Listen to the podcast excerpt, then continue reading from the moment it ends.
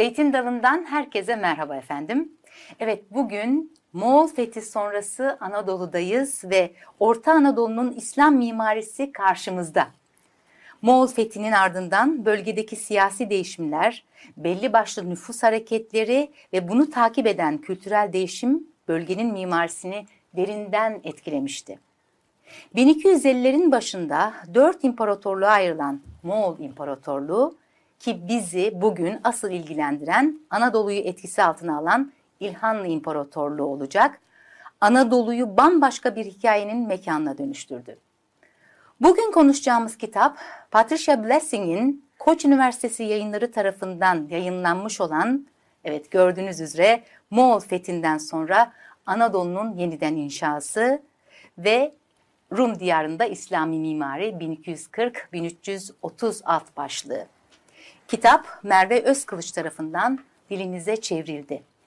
Patricia Blessing, İslam sanatı ve mimarisi üzerine çalışan bir hocamız. Yetkin bir e, dağarcığı var bu konuda ve konuşacağımız ilk kitabı 2014'te İngilizce olarak yayınlandı. 2018 yılında ise Türkçe olarak bizlerle buluştu. Bir diğer kitabı olan Architecture and Material Politics in the 15th Century Ottoman Empire 2022'de Cambridge University Press'ten çıktı. Yakında Türkçesi de bizlerle buluşacak. Hocamız hali hazırda Stanford Üniversitesi'nde sanat tarihi bölümünde İslam sanatı dersi vermekte ve bizi kırmadı, zeytin dalına geldi. Stüdyomuzda hoş geldiniz hocam. Hoş bulduk. Çok teşekkür ederim davetiniz için. Ya bu nasıl güzel derin bir kitap. Okurken epey ter attım. Onu ifade etmem gerekiyor. Tabii hemen sormak istiyorum. Neden böylesi bir dönem? Böyle bir dönemle bizim karşımıza çıktınız ve mimari üzerine çalıştınız. Ya bu dönem e, şöyle ilgim çekti. Ee, önceki çalışmalarda daha çok e, 12. yüzyılın ve 13. yüzyılın başındaki Selçuklu mimari dikkate alındı. E, sonraki dönem özellikle Moğol fethinden sonraki dönem daha hem daha az çalışma gördü hem e, o kadar o Moğol imparatorluğun çerçevesi hı hı. içinde alınmadı aslında. Oradan da bu e, çerçeveyi seçtim. Neredeyse ilk çalışma değil mi? Evet yani tek ya böyle sentetik ilk çalışma e, belli eserler hakkında önceki çalışmalar oldu ama bu kitap şeklinde yok genel gerçekten İlk önceden. diyoruz. Peki şimdi kitapta okurken mimari üsluptaki dönüşümlerin Anadolu ve çevresindeki kültürel ağların gelişimini de e, aksettirdiğini e, söylüyorsunuz.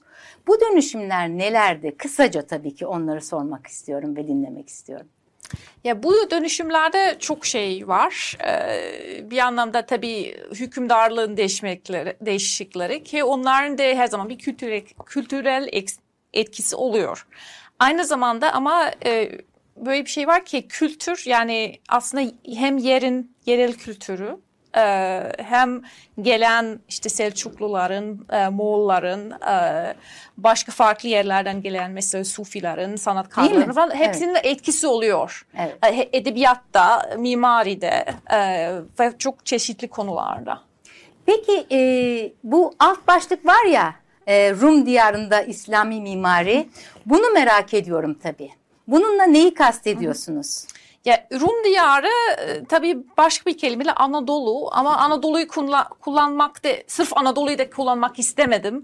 E, çünkü o da hem o dönemde kullanılmayan bir terim yani şeyde işte Selçuklu e, içerisinde ya da o dönemin mesela coğrafya literatürüne baktığınız zaman e, hep Rum diyarlarında e, kullanıyorlar. E, Arapça olarak daha çok yani e, diyarı um, diyarı Rum. E, o terim e, bir anlamda Bizans İmparatorluğu kastediyor daha eski e, metinlerde. Ama sonradan ya Bizans İmparatorluğu tabii bu bahsettiğim dönemde epey küçüldü ve daha çok e, Anadolu'nun batı tarafına ve Balkanlara hmm. e, e, şey daraldı.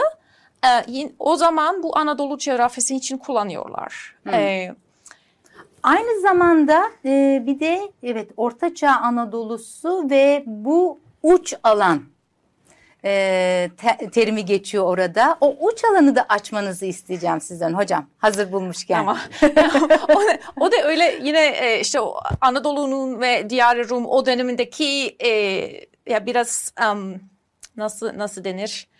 esnek e, karakterini e, seslendiriyor. Hmm. Bu tabii bir anlamda şey ucu ya İslam dünyanın uç tarafları. Hmm. Öbür ya İslam ve Hristiyan dünyanın evet, buluştuğu evet. noktalar. Ki o da tam öyle o kadar net değil yani. O da tabii hükümdarların dininden bahsediyoruz. Çünkü yine Selçukluların altında e, Hristiyanlar yaşıyor, Yahudiler yaşıyor falan. O herkes boş, Müslüman değil. Evet, boş bir alan değil aslında. Değil. Evet. Boş boş alan olarak değil. Böyle bir şey uç ya. Bir çünkü uçun ötesinde de bir şey var tabii. O hmm. orası bo yani gidiyor ve böyle şu masanın kenarı gibi boşa düşmüyorsun. Evet. evet neticede. Evet. Anladım. Peki e, bir diğer yandan da Anadolu'nun özellikle o çağdaki istikrarsızlığından bahsediyorsunuz. Bu istikrarsızlıkla neyi kastediyorsunuz ve mimariye bu nasıl yansıyor? Ya bu büyük oranda siyasi bir istikrarsızlık. Evet. Ee, sürekli hükümdarlar değişiyor. Hem farklı işte Selçuklular tabii epey güçlü oluyorlar ama sonra Moğollar geliyor. Ee, Moğollar altında Selçuklu hükümdarlar var ama hem çok etkili olmuyorlar hem sık sıkça değişiyorlar. Evet. Um, ve şey olmuyor yani mesela e, şimdi ikinci kitabında Osmanlılardan bahsediyorum. Orada tabii çok uzun ve hep çok kısmen istikrarlı. Kısmen istikrarlı evet, diyelim evet. bir e, bir bir hanedandan bahsediyoruz. 13. 14. yüzyılda Anadolu'da öyle bir şey yok. Kimse o kadar uzun süre kalmıyor. Evet. Bir, bir, bir 50 sene şurada, bir 20 sene orada e, gidip geliyor e, ve o çerçevede e, öyle bir net bir bir hanedanla bağlantılı olan üslup e, olamıyor, oluşamıyor. Bu e, istikrarsızlık mimariye nasıl yansıyor? Yani ya, çok çalıştınız biliyorum. Tabii. ya hem e, iki yönde e, yansıtıyor. Hem üslup o kadar bir hanedan ya da hükümdara bağlı bağlantılı hmm. olmuyor. Yani böyle mesela bak Osmanlı Cami her zaman belli oluyor. Bakıyorsunuz ha tamam bu Osmanlı Cami. Burada bakıyorsunuz e, Selçuklu olabilir, İlhanlı da olabilir, e, e, Mengücek de olabilir, Saltuklu da olabilir. E, evet. E, o kadar o kadar net olmuyor. E, ve aynı zamanda bu tabii e, mimarlara ve sanatkarlara da daha çok bir e, böyle kreatif bir alan bırakıyor aslında. Şimdi o yaratıcılığa birazcık vurgu yapmak istiyorum. Ee, zanaatkarlardan bahsediyorsunuz. Taş ustaları, marangozlar, inşaatçılar. Çok yani mesela bir yazar olarak en çok e, ilgimi çeken bölüm orasıydı. Şimdi onlar nereden geliyorlar? Ee, ve nasıl çalışıyorlar? Tabii bir de e, parayı nereden buluyor? yani nereden geliyorlar çoğu zaman bilmiyoruz. Ee, bazı bazen imzaları oluyor ve o imzalardan geldikleri bazen belli oluyor. Mesela işte Konya'da Halep'ten, e, Ahlat'tan e, gelen ustaların imzaları oluyor mesela. E, bazen sadece üsluptan ya da hmm. teknikten ha bu şuradan oradan geldi düşünebiliriz. E, teknik konusunda özellikle, özellikle mimaride tabii tecrübe çok önemli ve çoğu zaman öyle bir şey görüyoruz ki mesela önceki e, ya Selçuklu öncesi ve sonrası mimaride aynı teknikler kullanıyorlar. Burada bir anlamda da yerel teknikler. Evet. E, o ekspertiz kullanmaya devam ediyoruz. O insanlar kim olduğu da bilmesek de ya o bölgede öncede de çalışan ustaları düşünebiliriz. Anlıyorum. E, para işine gelirken o zor. ya o da zamanla değişiyor. Ya aslında o mesela e, şey um, Scott Redford'un e, bir çalışması var. E, şeye baktı. E, Sinop Kalesi'nin duvarları ve oradaki tabelerden şu belli oluyor.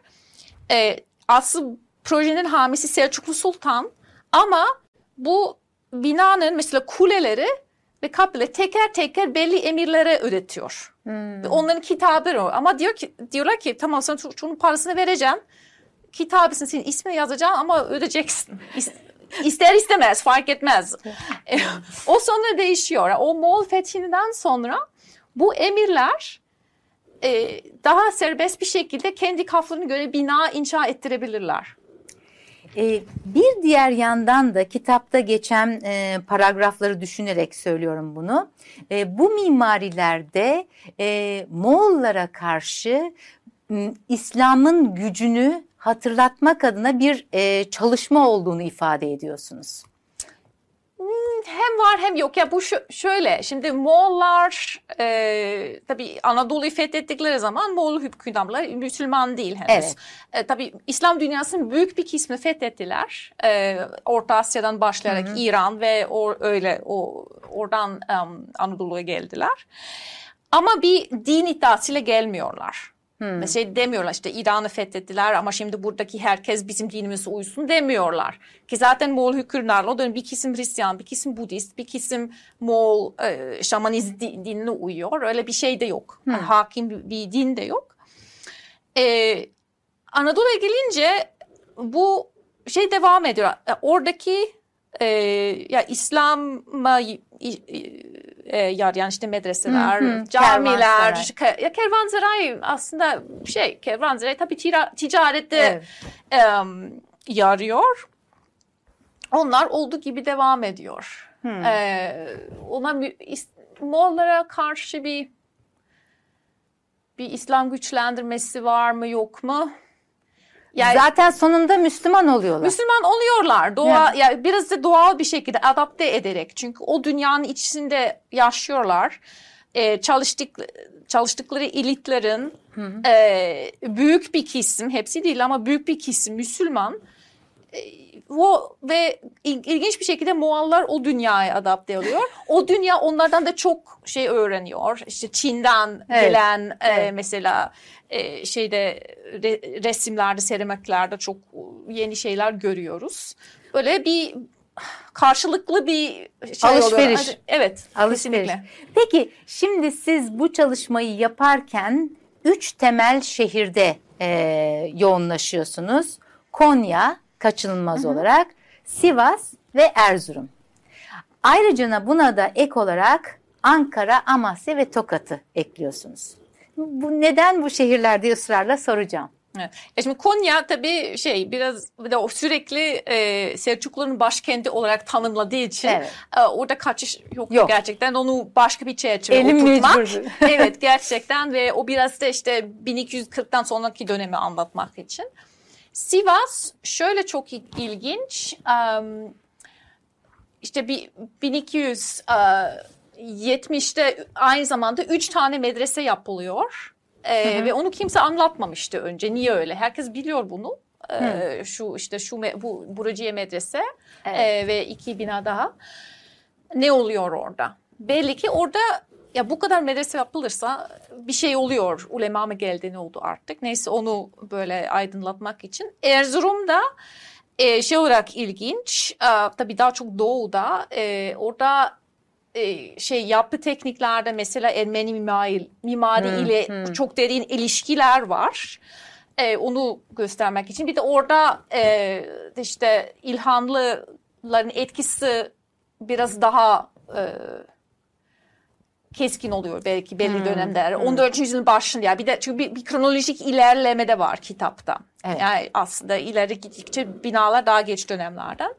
Ee, Ankara, Tokat, Amasya ise orada asıl konu e, Sufi birimlerin ya da e, işte Ankara'daki ahibi o birimlerin hami olarak ortaya çıkması. Hmm. Ve o 14. yüzyılın başında olan ee, bir şey. Bu aslında Princeton'da yazdığınız doktoranın kitaplaşmış hali. Ee, Orada da var mıydı Ankara, Amasya ve Tokat? Sonra... Onlar, evet onlar vardı.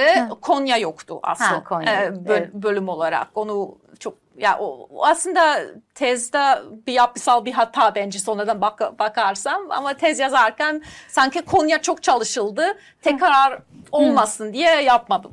Anlıyorum. Peki şimdi gelelim e, sizin e, kitabınızda başat rol oynayan Konya'daki örneklere. E, keşke çok sürem olsa da sizden tek tek bunları uzun uzun dinlesem ama kısaca özellikleriyle e, nasıl düşünebiliriz onu isteyeceğim. Mesela Alaaddin Camii e, nasıl bir özelliği var? O döneme nasıl bir vurgu yapıyor? Ya Alaaddin Camii'nin şu anki hali e, daha çok Alaaddin Keykubat döneminde yani 1220 ile 1237 arasında yapılan e, büyük bir e, Konya'yı büyük bir tasarım projesi yapılıyor. Surları, camisi ve orada en çok e, Selçukluların bir e, böyle bir e, hanedan üslubu çıkıyor. O hmm. tam o döneminde. O, o konuda Suzan Yalman'ın e, de çok önemli çalışmalar var. Sonra Moğollar gelince bu aslında bitiyor. Hmm. Ve ama bazı şeyler devam ediyor. Mesela e, evet şu Alaaddin Camii görüyoruz. Yani mesela o mermer o orada kapıda gördüğünüz mermer işler o mesela e, Halep'ten gelen ustalar tarafından hmm. yapıldığını e, düşünülüyor. E, aynı zamanda e, Selçukluların türbesi de var. O gördüğünüz kubbe o ortadaki. Evet, evet. E, peki Sayfata Külliyesi desem? Mesela o sonradan e, Moğol döneminde yapılan e, bir e, bir eser. Onun hamisi Moğolların altında çok önemli çalışan çok önemli bir vezir. E, sahip hatta Fahrettin Ali e, isimde. Burada e, önceki eserlerde yapıldığı gibi mesela e, devşirme malzeme kullanılıyor. Şu gördüğünüz e, fotoğrafta gördüğünüz mesela bir Roma döneminden kalan bir lahit e, kapıda. Aynı zaman iç mekanda Çin'i e, mozaik kullanılıyor. O e, şeyde başlıyor. Renk olarak mavi mi? E, mavi, siyah ve beyaz. E, beraber e, yani farklı renkler böyle iç içe geçiyor. E, hem kitabeler var hem geometrik motifler. Onlar önce de kullanılıyor ama en e, çarpıcı örnekler mesela Moğol, Moğol döneminde yapılıyor. Hmm. O tekniğin, o tam kim yapıyor bilmiyoruz. Onların imzaları yok. Hocam siz bilmiyorsanız biz nasıl Maalesef onu herhalde bulamayacağız. Peki Sırçalı Medrese'ye geçelim. Evet. Orada da yine e, tabii o şu anda görmüyoruz o maalesef kitapta iyi bir fotoğraf yok. Onun ben de kötü avlu, çektim onu da söyleyeyim. Yok, orada önemli olan aslında mozaiklerden bahsederken bunun avlusu e, tamamıyla Çin'i mozaikle süslüydü. Baştan aşağı bütün avlusunun bütün, avlunun bütün duvarlar. Sırçalı Medrese isim de oradan. Değil mi? E, sırça ha. yani şey e, seramik e, anlamına geliyor. Orada ne renk hakim? Yine aynı şekilde. Aynı şekilde. Ya hep o, o dönemin e, Çin'i mozaiklerinde hep aynı renkler e, mavi, geliyor. Ma, işte mavi, mavi. maviler, e, şey siyah ki siyah aslında mor ama hmm. o kadar koyu ki siyah gibi gözüküyor. Hmm. E, bir de beyaz. Onlar o, o renkleri kullanıyorlar. Gelelim Karatay Medresesi'ne. Evet, Karatay. O da şimdi burada çok ilginç bir şey var. Bu kapı aslında e, daha erken, daha önceki dönemden kal, kaldığını düşünüyor, düşünülüyor. Ama kitabe sonra değişti, sonradan değiştirildi. Hmm. E, öyle bir e, öyle bir argüman var ki bence şey olarak doğru olabilir. Yani bu kapının tarzı daha çok e, Alaaddin Camii'de gördüğünüz daha işte 1220'lerden kalma e, kalan e, kapıya benziyor ama kitabesi üstte um, değişiyor. Bir de bunun içi kocaman bir kubbesi var o binanın ve kubbenin içi tamamıyla yine Çin'i mozaiklere süslü. Çok ve, ve çok inanılmaz güzel bir uh, geomet, geometrik geometrik um, motiflerden yaratılan böyle bir sanki ya tam yıldız gibi olmuyor ama baktığı zaman böyle bir bir kosmos, kosmos gibi bir şey önünüze çıkıyor gerçekten. Ya o o teknikte o yap, yapılan şaheserlerden Şaheser. biri gerçekten. İnce minareli medreseye geçelim. Bu da evet. Bu da evet bu da e, eski bir fotoğrafa bakmakta yarar var, yarar var çünkü bu e, minare maalesef um, artık, artık yok. yok evet. E, orada, çok etkileyici. Burada yine aynı şekilde çok etkileyici taş um, işleri var e, kapısında. Acayip bir kitabe var bu Kur'an kitabesi. E, böyle kapıda yukarı çıkıyor, iniyor. E, şekil yine aynı şekilde büyük bir kubbe var. Ha burası işte. Buradaki hep bu tabii uzaktan baktığınız zaman bu taş olamaz diyebilirsiniz. E, ama taş. taş evet. Hepsi taş e, ve o dönemin e, taş ustalığın e, en e, uç en uç, uç noktalardan biri. Evet. En uç nokta en, en uç nokta diyorsanız e, Divri Ulu Cami. Divri Ulu tamam bunu da not ettik. tamam. Ee, bir de tabii e, Rumi'nin türbesine de bakmadan olmaz. Ona da bir bakalım. Tabii. Evet, bu Ki, içerisi. Evet. Tabii Rumi tabii o dönemin en önemli e, hem e, su ya şey insanların biri. Um, ama ilginç bir şekilde şu anda türbe türbesi e, de türbesinde gördüğünüz şeyler büyük oranda Osmanlı dönemi aslında. Hmm. Ya 13. yüzyıldan kalma hemen hemen hiçbir şey yok. Um, şey hariç e, Rumi'nin sandukası var, ahşaptan yapılan. Bir de bazı bazı fark bazı objeler de var türbe içerisinde. Ama mesela şurada gördüğünüz o arkadaki duvar e, ikinci Bayezid dönemi. E, Hmm. şey sandukanın üstündeki örtüler de herhalde 19 falan. 19. Ve bütün bina ka- aslında Karamanlı'da o zaman da dönemi şu anda gördünüz. Ve yeşil bir e, o yapı. kubesi, bir kubesi var. Yani Şey tam bu şu fotoğrafta gördüğünüz mekanın üstünde e, o kubbe var.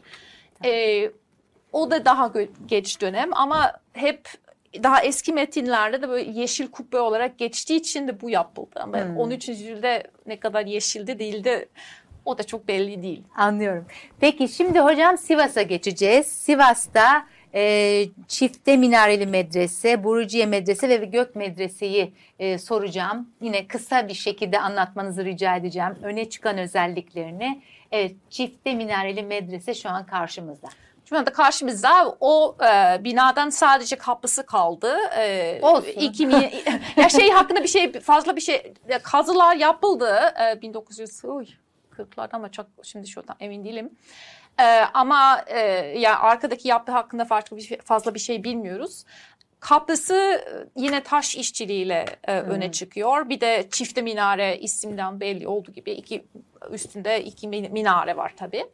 E, buraya taş işçilik çok ilginç ve Sivas'ta e, daki taş işçilik aslında Divri'deki taş işçilikle çok ilişkiler var. Divri e, daha Ulu Cami daha önce yapılıyor. Ulu, Ulu Cami ve Şifahane o 1228.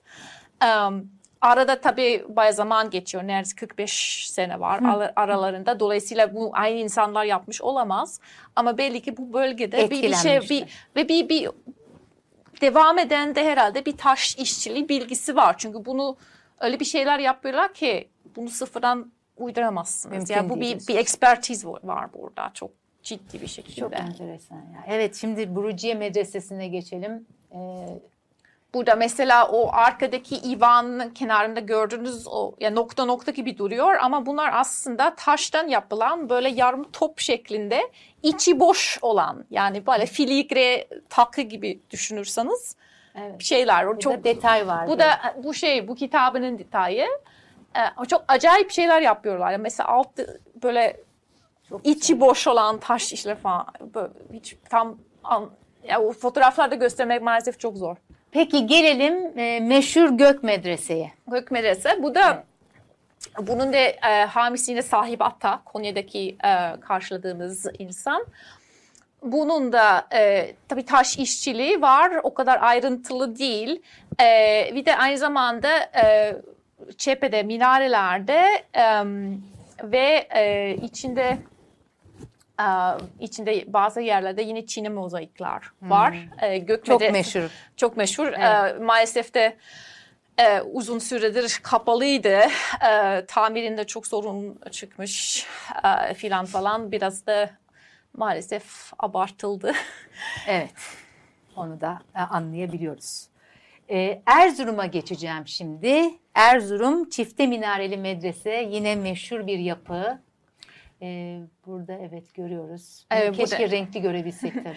Ya bunun yine tabii burada ya renkli görseniz sadece şey göreceksiniz ki e, minareler tuğladan yapıldı ve orada üstünde de yine biraz siyah ve e, mavi renklerinde çiniler var. Müthiş bir Um, ustalık değil mi? Çok güzel o da. O- onun da işte çok güzel e, taş işçiliği e, ayrıntılar var. Ki burada bu binada en, en büyük sorun tam tarihini bilinmiyor. Kitabesi eksik. E, o belki bitirilmedi tam. E, belki ondan oldu. Çünkü bazı noktalarda mesela taş işçilikte de eksikler var. Olabilir. E, bir de arkada bir türbe var. E, türbede sonradan eklenmiş olabilir. Ya yapı tam e, net değil.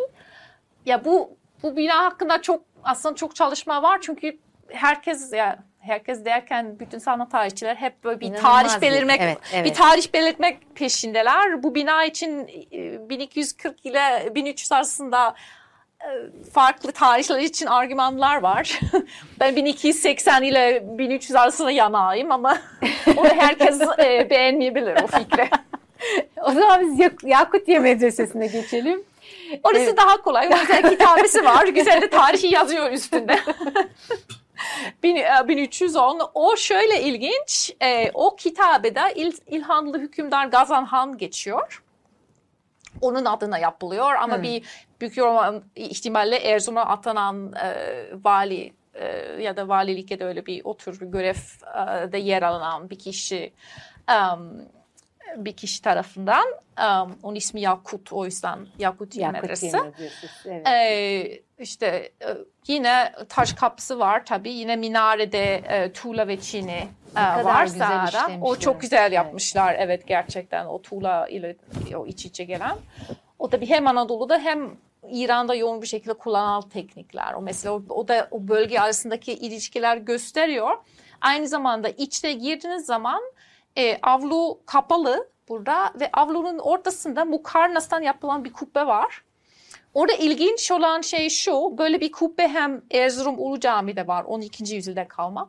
Aynı zamanda e, Ermeni mimarisinde 13. yüzyılda birkaç örnek var. Burada gerçekten bilmiyoruz bunu önce kim yaptı. Ya orada- şey, o şey gösteriyor. İslam bu bölgede İslam mimari, Ermeni mimari falan o terimler çok manalı değil.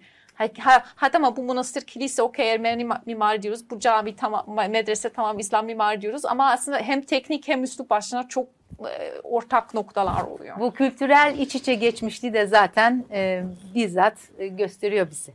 Peki tepsi minare diyelim. O da bir daha eski bir bina. O Evet. e, şeyden kalma. e, 12. yüzyılın başlarında kalma.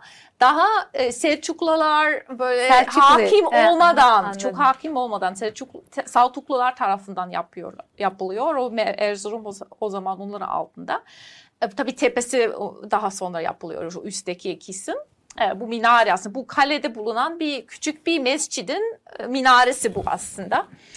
E, o da en e, o bölgede en eski örneklerden bir tanesi aynı zamanda. Rengi O da tuğla. tuğla tamam. E, şimdi gelelim e, Ankara, Amasya ve Tokat'a. Bu şehirlerden de birer örnek seçtim. E, Ankara Kale. E, onu e, bir parçacık mırıldanmanızı rica edeceğim sizden. Tabii kale, e, Ankara Kalesi e, tabii Çok çok meşhur. çok meşhur. E, tabii içinde Bizans Roma döneminden e, 19. yüzyılda kadar e, binalar var. Kalenin yapısını büyük oranda e, Bizans e, dönemi. E, fakat bu kapının üstünde yani tam resmin en bittiği yerde aslında bir İlhanlı döneminden bir kitabe var. Hmm. Ee, ki o şeyle ilgili. Ee, İlhanların em, Ankara'dan vergi alma, almaları ya da almaya çalışıp, çalışıp tam becerememeleriyle ilgili. Yine vergiyi toplayamadık gibi bir şey. Ya şöyle, şöyle işte şu vergiler alacak, şu gümrük şeyler alacak da filan falan ama öyle bir bir anlatıyorlar ki herhalde ya bu kadar ısrar etmek zorunda kalırsın. Herhalde tam bir, bir, bir sorun var bu konuda. Nasıl Ee, bağladınız işi şeklinde bir merak. Ki bu şey işte bir şey dönemden e, o yüzden onun kitabını içine aldım.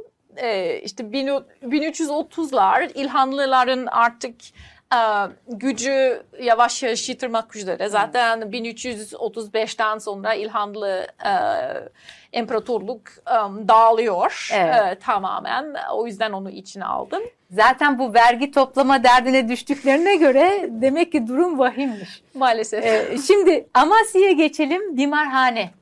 Ee, evet burada bu da çok etkileyici bir yapı geldi bana. Bu da bu da e, şey e, yine başka bir yapı türü işte hastane olarak yapılıyor. O da tabii çe- Anadolu'da çeşitli örnekler var aslında. Şey işte mesela Divri'de Divri'de şifahane var. Bu şey olarak da ilginç hem işte yine 14. yüzyılın başında hem e, bunun banisi kadın olduğu için yani bir kadın adına yapıldığı Hmm. için um, de ilginç. Burada tabii şey de göster gö- gözüküyor yani ta- aslında kapısında çok eksik var Ee, ve sonradan tamamlandı yani o korumak için. O da biraz o e, binaların tabii zamanla e, zarar gördüklerini de görüyoruz Görüyoruz, burada ne- net bir şekilde. Um, bu da şu anda müze haline geldi ya o şeyde değil. Açık yani. Açık açık Ha. gezilebilir, gezilebilir. Şu anda e, ya ben ben ilk ziyaret ettiğimde e, müzik müzesi miydi? Sonra sonra değişti, e, tıp müzesine çevrildi galiba. Yani bir fonksiyon değişti ama açık gezilebilir. Açık her halükarda. Peki Nurettin Sentimur Türbesi'ne bakıyoruz. Son olarak diyeyim. Evet, bu da Evet. Tokat'tan, bu da işte Tokat'taki e, fa- e, çeşitli sufi birimler tarafından yapılan yapılardan biri. O da şey göstermek için yani o dönemde işte 14. yüzyılın baş, başlarında 13. yüzyıl sonlarında artık daha yerel e, baniler çıkıyor ortaya. Niye çıkıyorlar? Çünkü İlhanların o kadar ayrıntılarla uğraşacak halleri yok. Daha büyük problemleri var. Şurada burada küçük bir türbe yapayım falan falan. Ona yani şey yapmıyor. Ee, işte oradaki oradaki insanlar yapmak istiyorsa e, yapabilirler. Evet. Ee, bir şeyleri de var yani bunu yapabilen usta da var belli ki yapabilecek için yap, yapabilmek için e, para da var. Ticaretten kazanılan Hı, belki hı, mesela. Um, ve orada da çok ilginç örnekler çıkıyor. Ba- ve yine de işte e, çoğu zaman orada o yerlerde önce yapılan eserlere bir bağlantılar oluyor. Yani us- Evet, uslupta, evet. teknikte. Şey e, tabii bir, bir, bir farklı döneme geçişin de sembolü sanki değil Evet, mi? evet, ve o şeyin de işte sonra e, İlhanlı dönemi sonrası gerçekten yine bir şey haline geliyor bölge. Ya farklı, e, çok farklı hükümdarlar oluyor, yerel um, hükümdarlar oluyor. Ve Aa. Osmanlı'ya doğru bir geçiş. Doğru geçiş ama tabii uzun bir geçiş. Uz- Çünkü evet, aslında mesela bu e, bina yapıldı, yapıldığı zaman Osmanlı başladı aslında. Hı. Biz hep böyle şey düşünüyoruz. İşte Selçuklu bitiyor, Osmanlı baş geliyor Tarih ama kitaplarındaki Ay, sayfalar. Biraz öyle ama bu, bu bazı şey aynı zamanda oluyor. Ya daha e, Orta ve Doğu Anadolu e, hala İlhanlı etkisinin altındayken Batı Anadolu'da e, sonra İmpara- Osmanlı İmparatorluğu dönüşen ama o dönemde minnacık e, bir beylik olan Osmanlı dediğimiz şey çıkıyor. Peki şimdi gelelim e, son kitabınıza. Son kitapta hakikaten hani e, Osmanlı'nın 15. yüzyılı ve 16. yüzyılın başlarına Evet. kadar getirilen o süreci e, tartışıyorsunuz, konuşuyorsunuz. Orada da İstanbul ve Balkanlar ve Batı Anadolu değil mi? Evet. E, bir şekilde gözlem altına alınmış durumda. E, temel e, göze çarpan unsur nedir orada? Hani bir e, sabitlikten bahsediyoruz ama o sabitliği biraz daha açmanızı istiyorum sizden. Ki o sabitlikte sonra, sonuna doğru aslında oluşuyor. Ya burada asıl derdim şuydu. e, 15. 5. yüzyılı bir tamamıyla anlayayım. Çünkü e, mesela İstanbul'un fethi ve sonraki dönem çok iyi çalıştı, ça- çalışıldı. Mesela Çiğdem Kafesçioğlu'nun e, çok değerli bir, bir çalışma var, kitabı var o konuda. E, 16. yüzyılda çok iyi e, biliyoruz. İşte Sinan hakkında mesela Gülür Necipoğlu'nun çalışmalarından. Ama şey baktığınız zaman yani bütün 15. yüzyılda topluca ne oluyor aslında? Çok da anla an, ön- çok da anladığımızı düşünmüyor. Ona ona bakmak istedim. Şey ne çıkıyor? İşte Bursa ya 14. yüzyılın sonundan başlıyorum aslında za- zaten şeye bağlayarak 14. yüzyıl um, Bursa'da e, bak, bakan çalışmalarının başlayarak e, şey fe- fetih İstanbul fetihi e, böyle kitabın ortasında kronolojik olarak kitabın ortasında duruyor ama aslında İstanbul'u baştan başa aldı. Başta bir İstanbul um, bölümü var. Onu anlatmak için Tamam, İstanbul'u fethedince ne oluyor Osmanlı mimaride? Ne değişiyor? Ne orada onun önemi ne? Ee, Ve Çinili Köşk çıkıyor karşımıza değil mi? o çıkıyor karşımızda. O, o tabii biraz da Osmanlı mimarisinde de biraz bir istisna bu yapı. E şöyle e, Çin'i mozaik e, tabii çok önemli. Onu Kitabın kapağında da o var değil e, mi? yok o kitap e, kitap e, kapağında o Mahmut Paşa Türbesi'nde Aa, benim kapalı yanlış. şey e, kapalı çarşı e, ile Nur Osmaniye Camisi arasında e, yer alıyor. E, Çok güzel ama. o da çok güzel ki o mesela Çin'i mozaik değil o taş içine yerleştirilen Çin'i Hmm. Ee, o gri, gri, gri kesimler taş, öbürler çini. Ee, Çinili Köşk tamamen Çini mozaik e, cephesinde, e, giriş kısmında özellikle. Tamam. Ee, ki o tekniklerle ya oynuyorlar ama bir devamı yok ikisinin de. Ee, çok Neden acaba? Şimdi bu da ilginç bir şey. bu da yaklaşım. ilginç bir şey. Ee, o da onu da tam çözemedim. Ee, Çinli Köşkü Üçüncü kitapta bekliyorum. belki belki aynen aynen öyle. Ee, Şimdi o, o, ta- o taş ve çini tekniği o tabii şöyle çok zor. Hem taş işçiliği bilen birini bulacaksınız hem çinilere böyle çok net bir şekilde kesebilen birini bulacaksınız. Ee, bir de e, havaya çok dayanıklı değil. Yani şimdi İstanbul'da İstanbul gibi bir yer için Nemi açısından. nem bir de nem sonunda kışın kar işte donabilir falan Ee, aslında çok ideal değil. Çin'i mozaik de öyle ki mesela şeye baktığın zaman Konya'ya e, baktığın zaman Çin'i mozaik büyük oranda iç mekanlarda kullanıyorlar. Dışarıda kullanımı var e, şey Sırçalı Medresesi'nin avlusu işte. E, ama orada da çok iyi durmadı gerçekten. Hmm.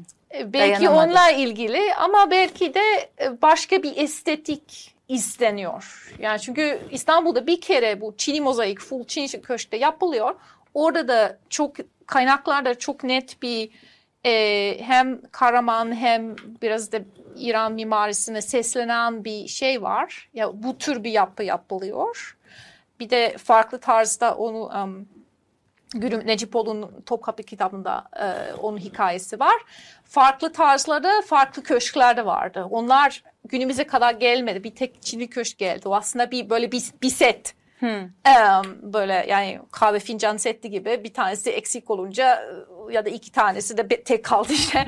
Tam anlaşılmıyor ne oluyor. E, bunu çok böyle intentional bir şekilde böyle yapılıyor. Anladım. İlle de devam etsin de hep böyle şeyler yapalım diye değil. Hocam bu kitap ne zaman çıkacak Türkçe olarak? E, tam belli değil. Şu anda e, çevriliyor. Ha.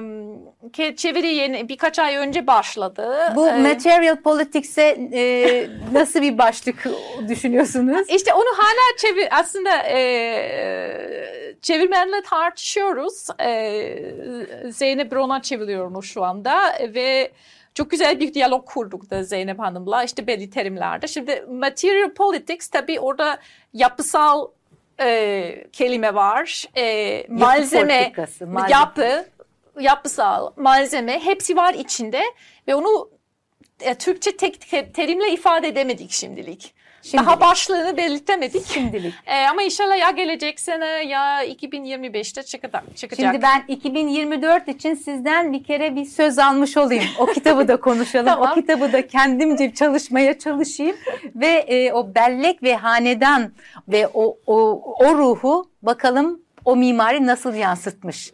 Sizden dinleyelim. Olur mu? Olur. O sözü de almış oldum. Çok teşekkür ediyorum bu e, derin çalışma için. E, diller arası da gidip geldiniz değil mi? Arapça, Farsça, Türkçe. Öyle. E, ellerinize sağlık, emeğinize sağlık Çok diyorum. Çok teşekkürler. Evet. Bugün e, Zeytin Dalı'nda e, geçmişe uzandık efendim.